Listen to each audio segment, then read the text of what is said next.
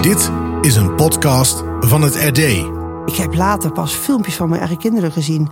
Er stond een van mijn zoons voor een klas. Stond echt een beetje de boel op te ruien, zeg maar even. dacht ik, oh, dat had ik nog niet achter hem gedacht. Terwijl hij zogenaamd best wel stil en rustig zou zijn. Ondertussen pakte hij wel een, eh, soort clown, eh, clownsgedrag in de klas. Dus dat kan echt anders zijn. Dus het idee van mijn kind doet dat niet. Nou, dat ja, is denk ik 9 van de 10 keer niet, niet waar. Je moet heel realistisch zijn. Ook een kind, juist in een groep, kan echt ander gedrag gaan vertonen. Tegelijkertijd moet je natuurlijk ook wel beseffen dat sommige docenten soms ja, hebben wel voor het onderwijs gekozen en misschien heel goed in hun vak zijn, maar soms best wel lastig vinden om met een hele groep pubers om te gaan. Bij ons thuis, een podcast over christelijke opvoeding met Mariska Dijkstra. Mama, meneer Jansen belt straks. Je zoon meldt het maar vast. Er is gedoe met school en ze gaan bellen. Als moeder of vader wil je dan natuurlijk weten wat er aan de hand is. Het liefst uit eerste hand. Wat heb je gedaan? Nou, meneer die en die zat niet lekker in zijn vel. En toen kreeg ik weer straf, dus. Even later hoor je van meneer Jansen een heel ander verhaal. Wie moet je geloven? Gedoe met school. Het kan er zomaar zijn. En hoe ga je daar op een positieve manier mee om? Ik spreek er vandaag over met Jacobien van Willigen. Moeder van jongens en een dochter. Waarvan de eerste inmiddels het voortgezet onderwijs alweer even achter zich lieten. Samen hebben en hadden ze in elk geval een heleboel leraren. En hun moeder is er één van. Als directeur zorg en jarenlang als docent economie is Jacobien actief bij de Jacobus Kwartierscholengemeenschap. En ik spreek met haar over de relatie school-thuis. En als er gedoe is, hoe kom je daar dan weer uit? Welkom Jacobien, fijn dat je wilde komen. Nou ja, ik zei het al, hè? je hebt zelf uh, ook kinderen. Um, heb jij wel eens gedoe gehad met school? Uh, ja, absoluut. Ja, gedoe, ja. Het is maar net hoe je naar gedoe kijkt natuurlijk. Maar je weet gewoon waar je kinderen hebt en die naar school gaan, dat dat ja, altijd soms wel ingewikkeld kan zijn even. Op de basisschool heb je dat ook. Je zit zelf ook als moeder een bepaalde manier kijk je ernaar. Uh, dus je hebt ook een bepaald gevoel zelf daarbij.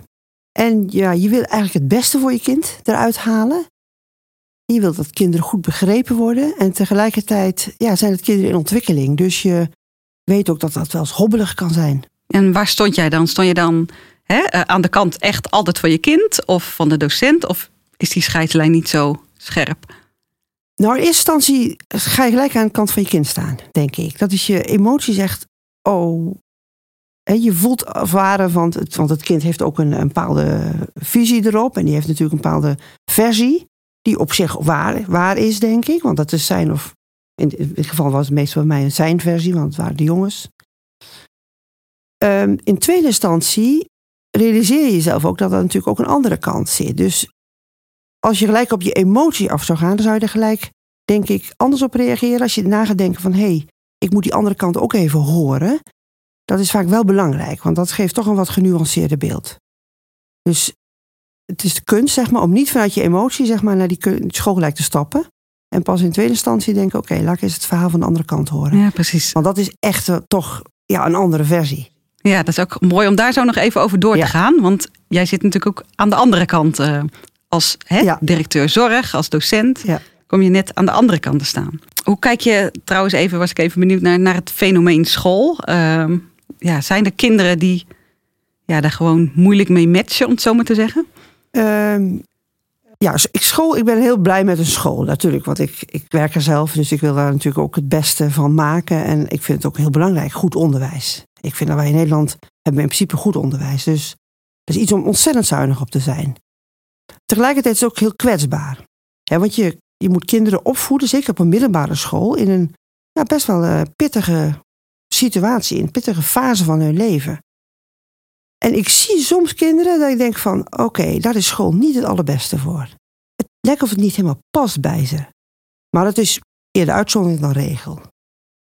Kijk, voor heel veel kinderen er zit natuurlijk in een bepaald stramien van school. En daar zit, ja, dat heeft bepaalde eisen, stelt het aan ze. En nou ja, dat is soms best wel lastig voor ze.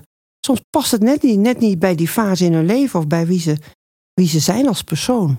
Ja, en dan bedoel je ook hè, alle moetes bijvoorbeeld. Want ja. je moet meegaan met de Ja, je moet mee met de, wij spreken met het tempo. Je moet mee met het, met het hele pakket wat een school vraagt. Je moet mee met ook alle sociale ja, vaardigheden die een school van ze vraagt. En sommige kinderen zijn soms nog niet zo ver. Of hebben soms even dat extra steuntje nodig. Ja, het is misschien goed om dat ook even te benoemen hè, voor luisteraars die ook zo'n kind thuis hebben waarvan ze denken van nou, dit is echt helemaal geen match. Dat kan dus gewoon. Maar... Ja, als het helemaal geen match, dan heb je natuurlijk echt wel een probleem. Want dan, dan zit een kind de hele dag op school en het, en het, het floreert gewoon absoluut niet. Kijk, kinderen mogen natuurlijk, of moeten eigenlijk wel floreren in, een, in school. En als dat niet gebeurt, dan is dat, eigenlijk vraagt dat wel een stukje zorg en aandacht. En ook wel een stukje onderzoek van waarom, waarom niet. En dan kun je zeggen, ja, het matcht niet, maar heel veel kinderen met, met iets aanpassingen matcht het vaak wel. of komt het toch, wordt het beter of komt het goed. En dat is precies ook jouw functie hè, die je nu hebt. Je bent zelf ook docent geweest, economie. En nou, dan weet je ook, als docent zie je maar een klein stukje van een kind. Is dat herkenbaar? Eh? Ja, absoluut. Want het is ook zo. Je ziet echt maar een heel klein stukje van een kind in een klas. Dus je kunt je enorm vergissen. Ik heb zelf de herinnering van een leerling, dat is heel lang geleden, van die. Um, daar had ik echt moeite mee. Ik, ik had gewoon moeite met hem. Ik, op een of andere manier reageerde ik er ook op een bepaalde manier op. Wat geïrriteerd. En toen kwam hij. Op een bepaald moment stond hij bij mijn bureau. En toen liet hij een gedicht lezen wat hij gemaakt had. naar aanleiding van het overlijden van onze zoon Constantijn. Dat was een heel mooi gedicht. Ik heb hem nog. En het liet me zo'n andere kant van deze jongen zien. Ik dacht van, oh, je, bent heel naar binnen gekeerd geweest misschien of zo. Hè? Ik nou, in ieder geval kreeg ik een heel mooi contact met hem. En hij kwam later gewoon op bezoek en thuis en ik kwam lekker eten. Dus ik heb daarmee een hele, hele andere kant van deze jongen gezien. Maar ik heb hem echt in me vergist. Hij, hij liet niet zien wie hij werkelijk was. Heb je dan ook de taak als ouders zeg maar, van zo'n kind om zo'n docent uh, daarin bij te praten? Als het nodig is, zou ik dat wel doen als je echt ziet van, joh, dit is, uh, een kind wordt toch niet op waarde geschat of uh, wordt bijna ja, onrecht aangedaan, dan mag je best in ruimte zeggen van, joh, dit is mijn kind ook. Niet in de zin van uh, dat docent het fout doet, maar wel meer van laten zien. En als docent moet je ook bewust zijn dat je altijd maar een klein stukje van kinderen ziet in een klas. als je ze echt misschien thuis zou zien of met een vriend, dan krijg je hele andere beelden.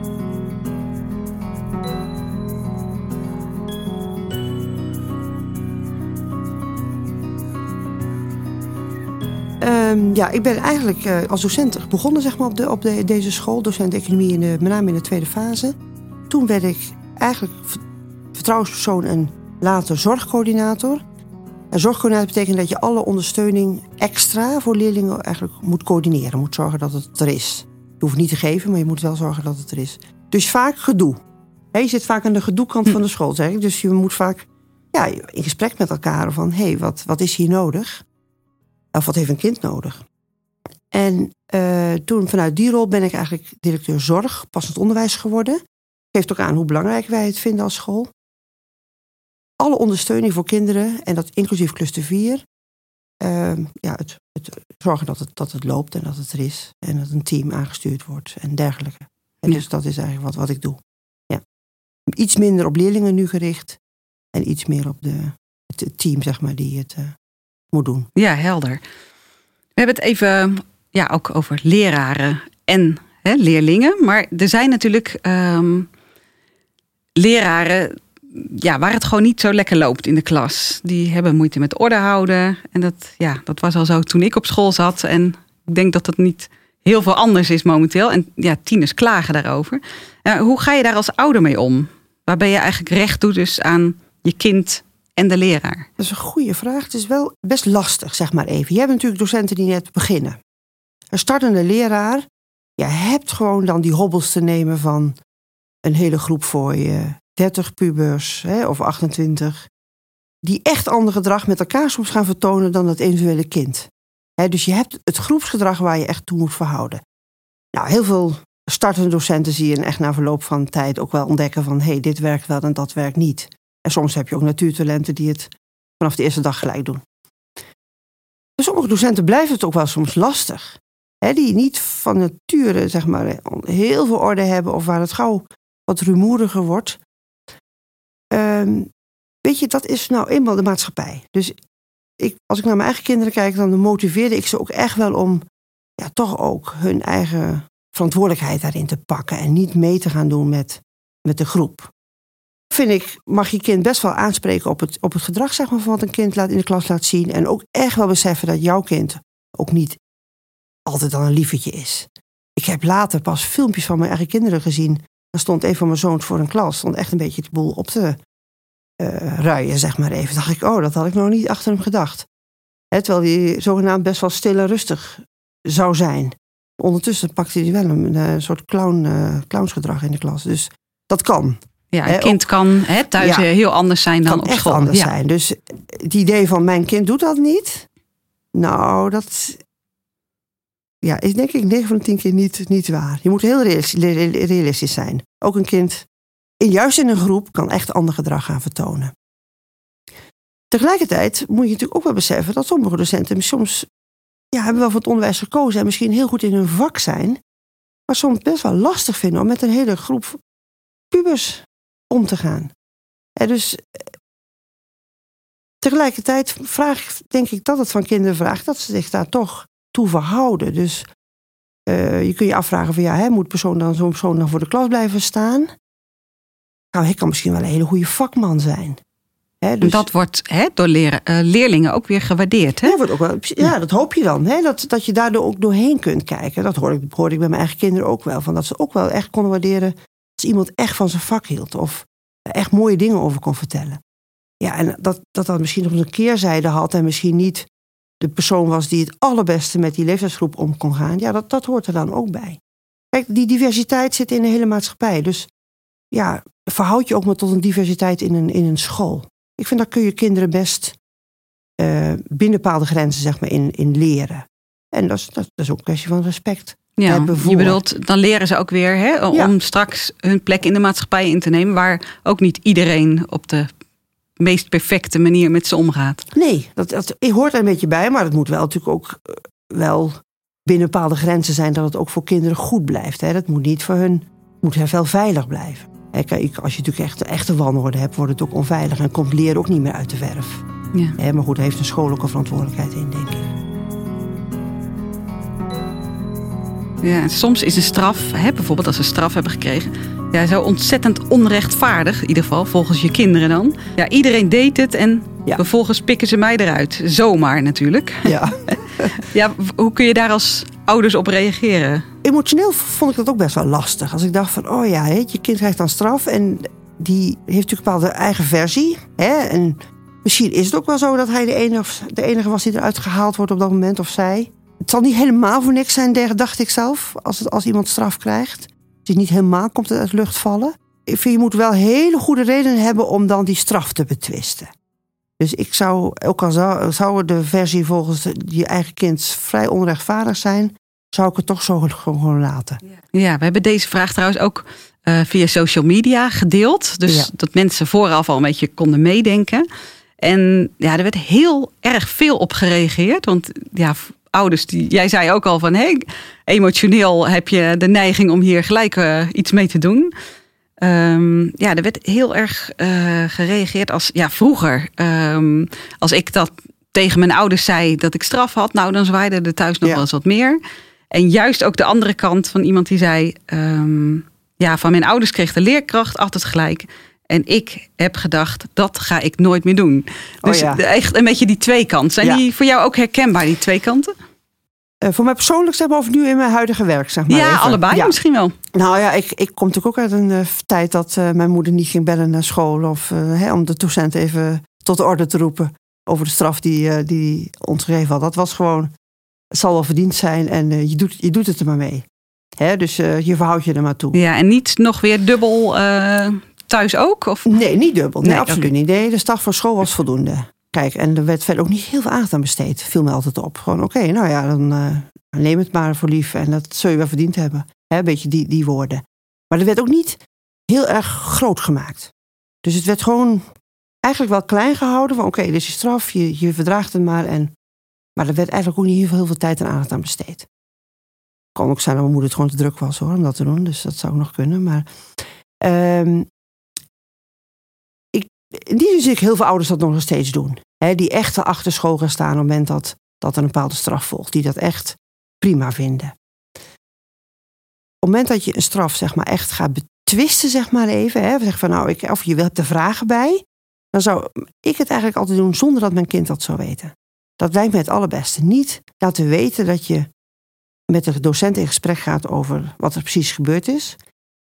Dat zou je nog wel kunnen zeggen, maar niet met het idee van nou ga ik die straf even verminderen of ik ga bepleiten dat dat niet gebeurt. Kun je uitleggen waarom?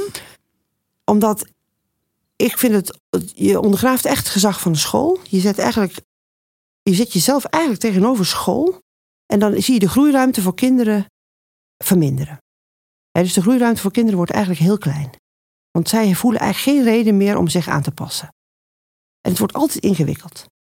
Ik, eigenlijk als, als school en ouders zeg maar, uh, op, zeg maar niet op één lijn zitten, dan uh, zie je eigenlijk altijd dat kinderen het ingewikkeld vinden om naar wie moeten ze eigenlijk luisteren. Ze gaan of thuis uh, ja, bepleiten hè, dat iets niet hoeft. En op school hoef je eigenlijk ook niet meer het helemaal serieus te nemen.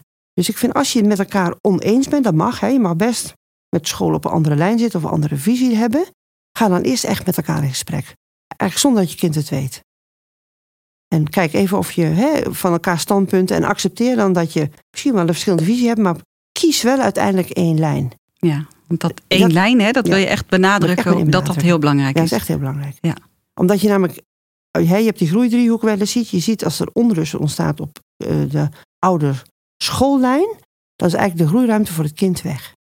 Dus die, nou, ze, hoeven, ze hoeven niet meer of ze willen niet meer, net, net hoe je het invult. Maar je hoeft eigenlijk niet meer, niet, geen stappen meer te zetten. En groeien is altijd pijnlijk. dus eh, met groei kan altijd met pijn gepaard gaan. Ook wel in relatie met, uh, tot school. Maar probeer het echt samen te doen.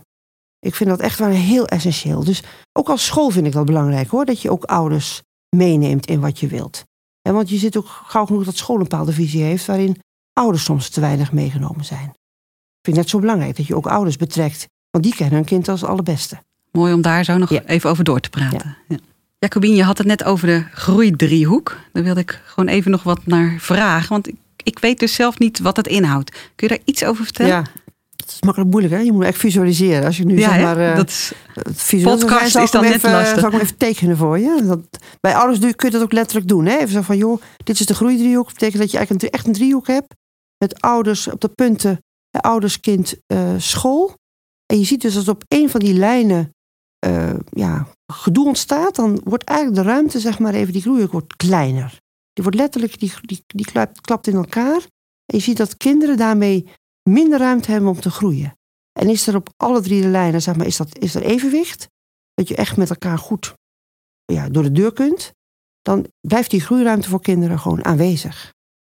Dus die driehoek wordt eigenlijk als het ware in elkaar, die drukt in elkaar doordat een van die lijnen eigenlijk doorbroken wordt. Heb je daar misschien ook een concreet voorbeeld van? Van wanneer gebeurt dat? Nou, ik bijvoorbeeld, ik zag het, zie het wel, zeg maar, dat uh, uh, bij, als kinderen bij ons gewoon naar de rebound gingen, zeg maar even. We hebben een rebound afdeling waar wij, dat is geen strafkamp, hè, wat, wat, wat uh, ouders soms denken, maar dat is gewoon eigenlijk een andere manier van leren. Heel geschikt voor jongens. Want je ziet bij jongens vaak dat al die woorden die wij over ze uitgieten, best lastig is. Om dat te verbinden aan, taal, aan, aan ander, anders handelen. Nou, wat doe je in een rebound? Dan heb je een soort ja, groepje van, van 10, 12 leerlingen die, eh, die heel ervaringsgericht gaan, uh, gaan werken. Dus met opdrachten. En heel direct gespiegeld krijgen van, hé, hey, welke rol pak je? Hey, wat, wat is jouw rol in een geheel? En dan hoef je, dat is niet goed of fout. Dus het gaat niet vanuit goed of fout, maar meer van spiegelen op, van, op hun gedrag. Ja, dat is de afdeling waar ze ook op bivak gaan en dergelijke. Precies, ja. dan gaan ze, ja. en, moet je s'nachts alleen in het tentje. En dan, nou, dan ontdek je ook van heel veel van, hé, hey, hoe doe je dat dan? Dus je krijgt heel veel terug van wie ben jij als, als, als kind? En hoe doe je de dingen? En waarom maak je bepaalde keuzes wel of niet? Of wat zeg je wel en wat zeg je niet? En daar kun je natuurlijk heel mooi in gesprek over gaan. Dat is een hele andere manier van leren dan wanneer je met een kind in een kamertje gaat zitten en je gaat zeg maar, dan zeggen dat hij dat die ding anders moet doen. Dat is vrij abstract. Nou, dan zie je vaak dat ouders best lastig vinden als ze zeggen van joh, wij stellen dan voor, zou rebound geschikt zijn voor uw zoon. Soms dochter, maar meest zonen. En dan, nou, dat, ouders vinden dat lastig. Want die krijgen weerstand van hun kind. Want je gaat toch niet naar rebound in een pakje lopen. Dus op dat moment zie je dat als wij, zeg maar, en ouders op niet op één lijn zitten. Hè, dat, dat zeg maar de, ouders zeggen van ja, wij zien het eigenlijk niet zitten dat het naar de rebound gaat. En wij zeggen ja, wij vinden het eigenlijk heel, heel erg nodig. Terwijl je eigenlijk vanuit gezamenlijkheid op wilt treden. Dan, zegt, dan gaat het kind die gaat in de weerstand. Want die denkt, oké, ik hoef dus niet van mijn ouders. Dus ja, en die gaat heel veel weerstand vertonen. Dus het beste is van, joh, zeg ik tegen, dan zeg ik tegen ouders van, laten we gewoon met elkaar eens zijn. Laten wij als school beslissen dat het naar de rebound moet, want ouders vinden het soms ook lastig. Hè, om dan te zeggen van, nou laten we dat maar doen. Dan beslissen wij het, maar als jullie maar achter ons gaan staan, dan zie je dat het kind gaat en heeft soms de mooiste tijd van zijn leven. Hè, dus op dat moment zie je dat het heel praktisch is als je echt op één lijn gaat zitten. Ook al vind je innerlijk, want dat, ik, snap, ik snap het heel goed, best wel lastig om die keus te maken. Maar doe het dan wel, maar ga wel in gezamenlijkheid optrekken. Ja, mooi. Mooi uh, voorbeeld ook. Ja. Um, nou zijn er ook um, kinderen hè, uh, die thuis heel veel uh, nou ja, extra ondersteuning misschien hebben. Misschien omdat ze autistisch zijn of andere ja, heel prikkelgevoelig.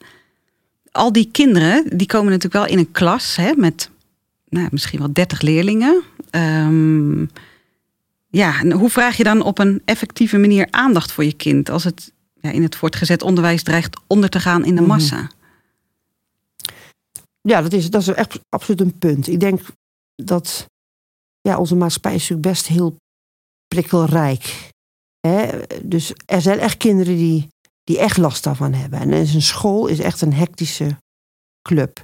Nou, dat is, vind ik het wel een mooie natuurlijk van passend onderwijs tegenwoordig. Dat je daar best aandacht voor mag vragen.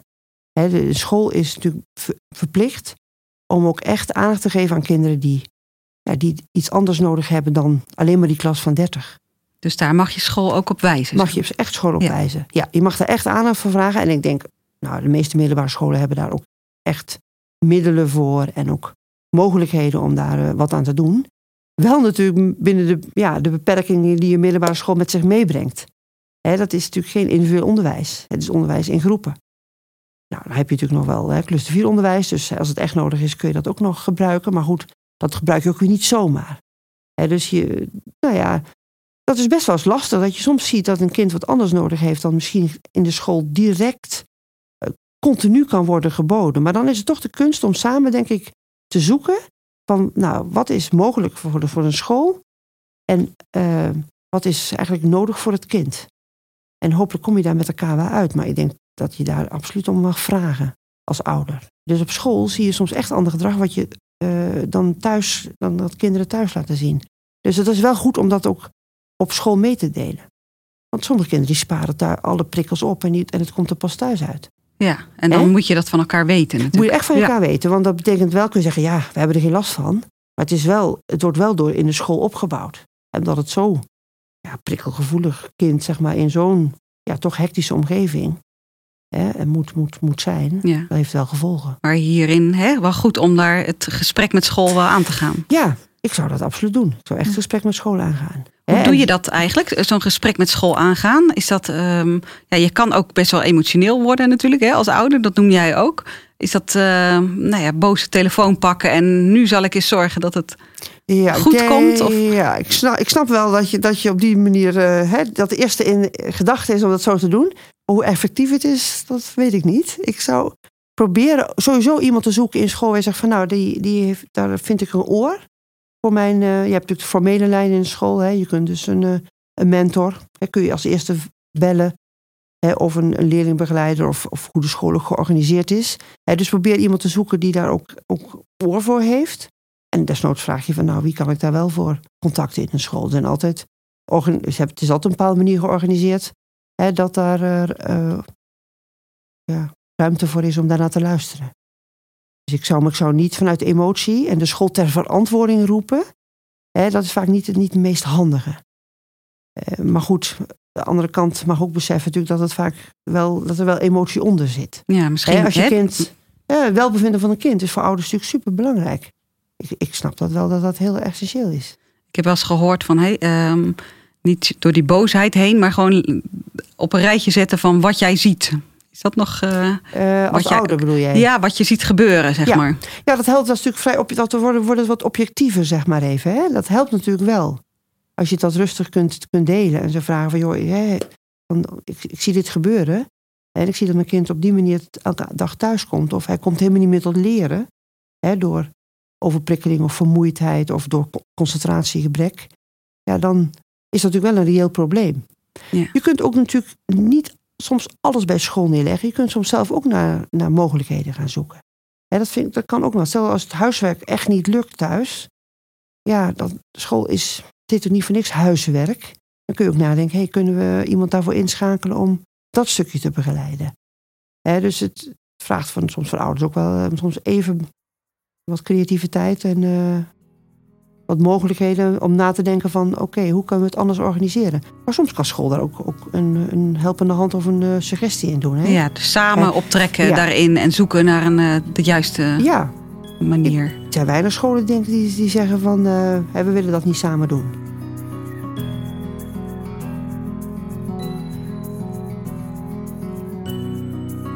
alles oplossen zal, is mooi, maar dat lukt vaak niet in de praktijk. Want dat stukje thuis kun je niet helemaal compenseren.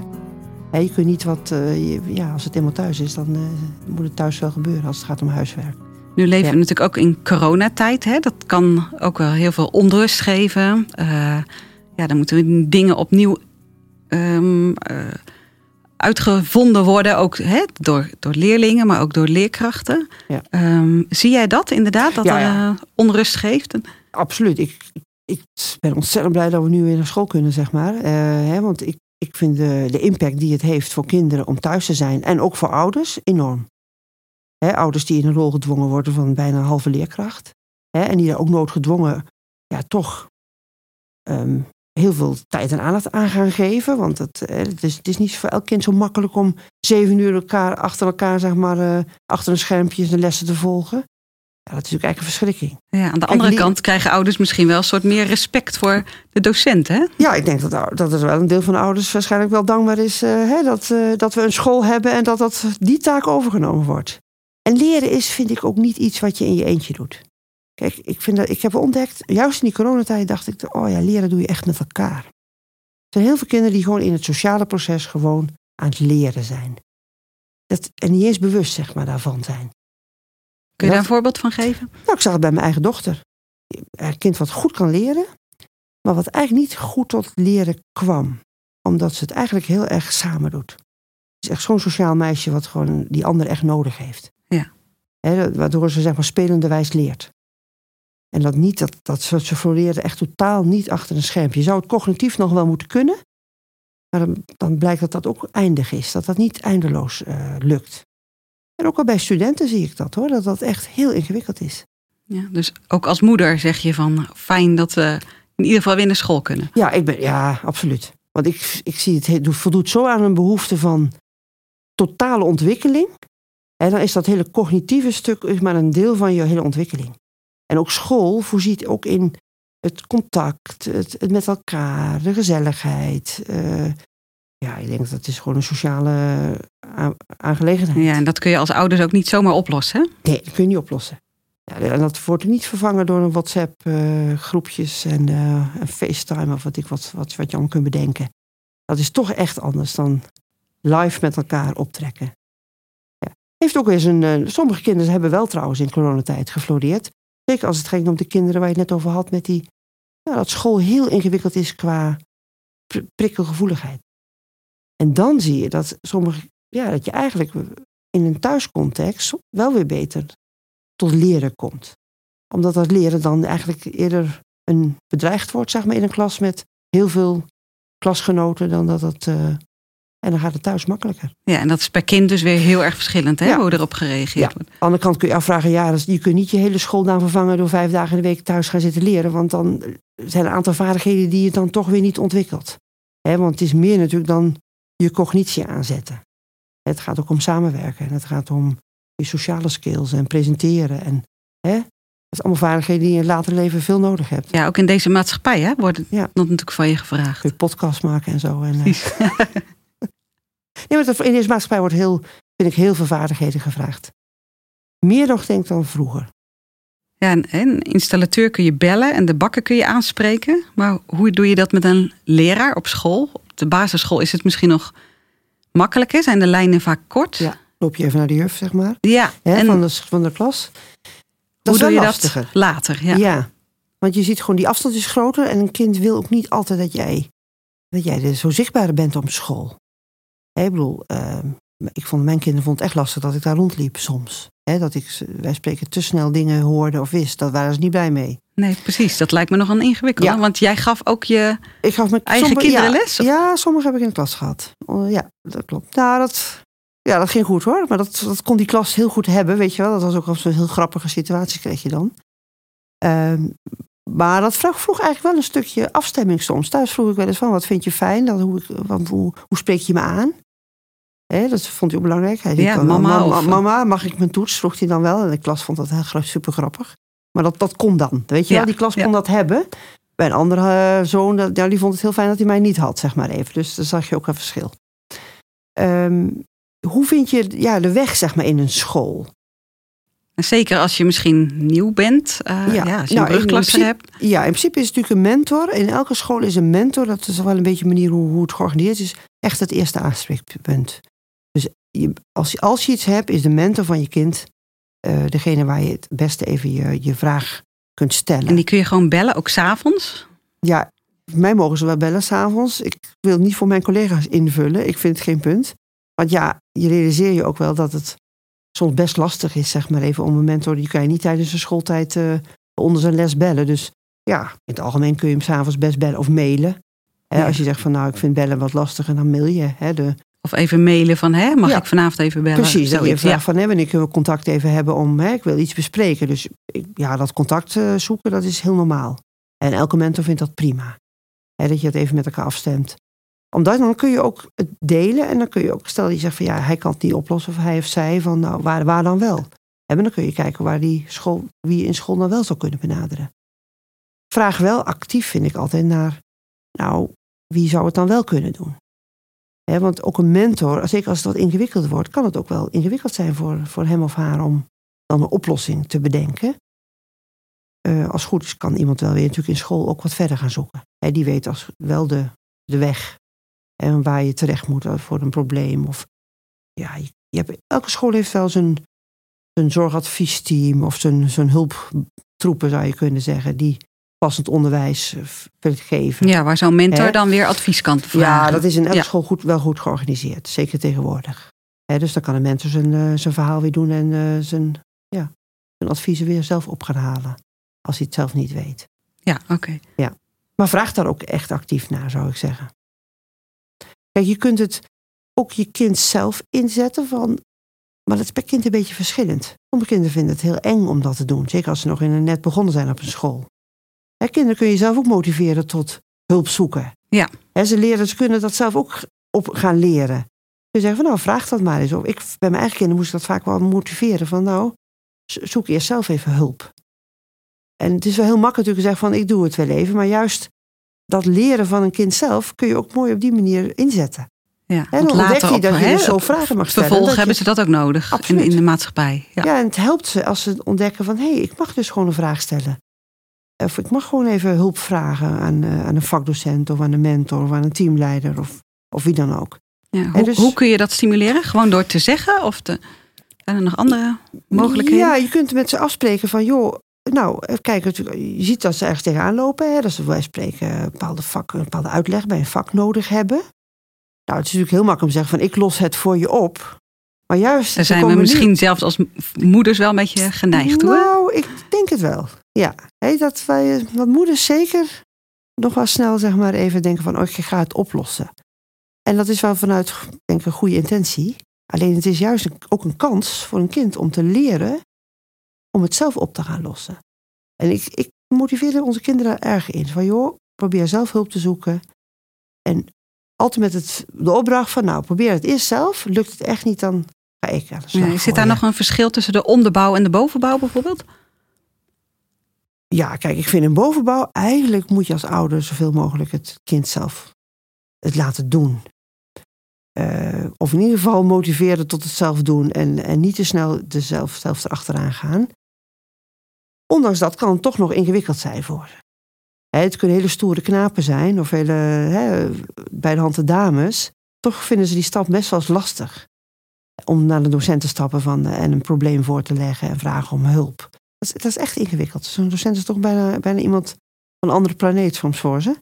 Ja. Dus eh, ja, dat, dat, die aandacht die willen ze dan soms niet helemaal op zich vestigen. En voelen zich dan misschien ook afgaan met ja, andere leerlingen, Ja, leerlingen erbij. Ja, precies. Dat kan zijn dat ze gewoon voor de, voor de ander dat niet willen. eh, of dat ze denken dat ze het echt zelf moeten doen.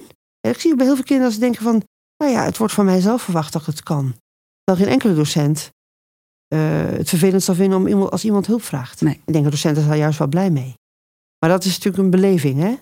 Dus je kunt je kind daar echt goed toe motiveren, denk ik, om te zeggen van joh, probeer eerst zelf die stap te zetten. En je kunt ook met hun nadenken hoe ze dat zouden kunnen doen. Ze- soms motiveer ik om mijn eigen kinderen wel eens van joh, stuur dan eens een mailtje. Leg daar het probleem even uit als je het moeilijk vindt om het gelijk mondeling te doen. En dan is die, is die verbinding al wel gelegd. Ja, en dan komt Hè? de, de docenten zelf weer op Ja. terug, hoop je. Precies, nou vaak wel. Hè? Ja. Dan, dan zie je dat die stap, eerste stap maar gezet wordt. En dan, nou, dan leer je natuurlijk ze veel meer dan alleen maar natuurlijk hulp te vragen. Of het probleem op te lossen. Maar je leert ze ook dat dat gewoon mag. En, dan ook, ook hoe, en je leert ze ook dat, hoe je dat kunt, beste kunt doen. En als het dan lukt, is het toch een stukje zelfvertrouwen. Wat Ja, en daar groeien ze weer van. Ja, daar maar. groeien ze van. Ja. Ja. Want het leven is natuurlijk toch gewoon eh, heel veel uitproberen en eh, een beetje onderuit gaan. Hè? Ja, dat is En- een mooi, eh, mooi gezegd. Soms wel lastig hè, als ouders om dat te laten gebeuren ja, natuurlijk ook. ik denk dat daar vaak een, een probleem zit bij ouders. Dat je, dat je eigenlijk niet wil dat het kind even onderuit gaat. Is dat ook in deze tijd? Misschien past dat in, in deze tijd? Ja, ik denk dat deze tijd nog scherper eh, in zich heeft. Ik vind het altijd lastig hoor. Ik denk dat ouders zijn van alle tijden. Maar ik denk dat, dat vroeger het, het meer vanzelfsprekend was dat het mocht. Hè, dat het niet allemaal volmaakt hoefde te zijn. En nu loop je als, als ouder, toch als opvoeder zeg maar even... Dat, je het, dat, ja, dat het succes van je kind een beetje jouw succes van de opvoeding is. Prinsesjes noemen ze het geloof ik wel eens. Ja, dat, dat is dan een negatieve kant dat je ze ook nog verwendt. Ik weet niet eens of het met definitie verwennen is. Maar je wil dat het zo goed met ze gaat.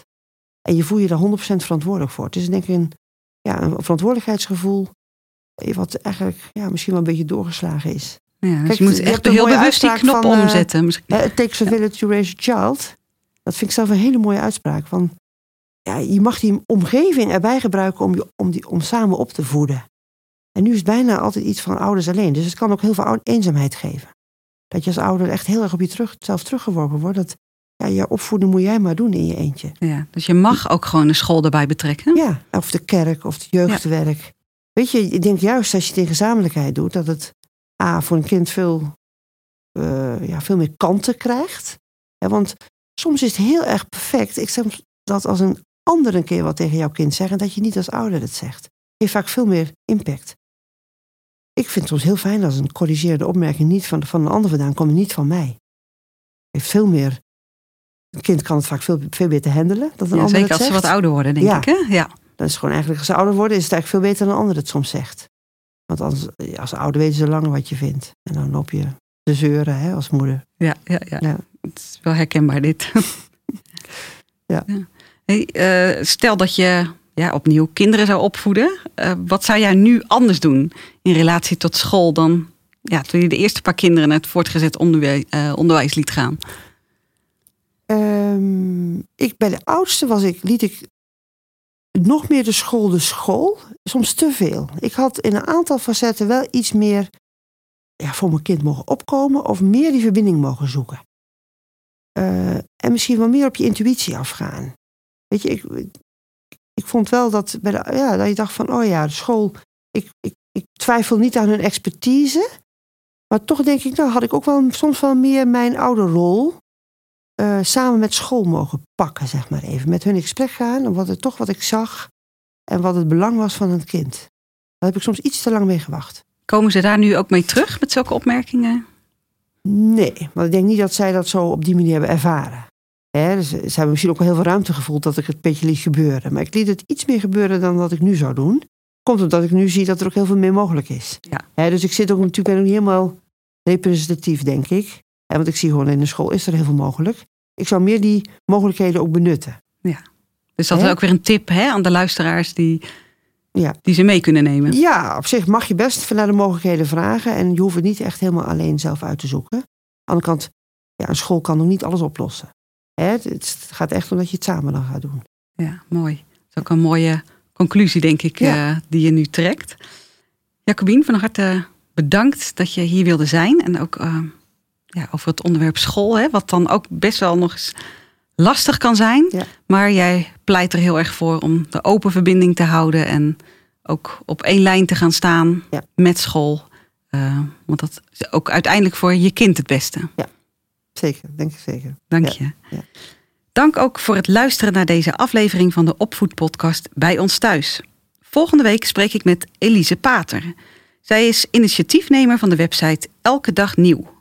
Inspiratie voor moeders voor hun persoonlijke stille tijd. Me-time met God.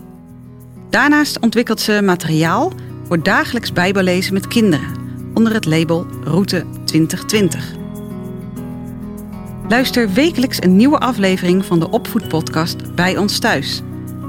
Abonneer je via jouw podcast-app of meld je aan voor de wekelijkse nieuwsbrief via rd.nl slash nieuwsbrief-podcast. Tot volgende week.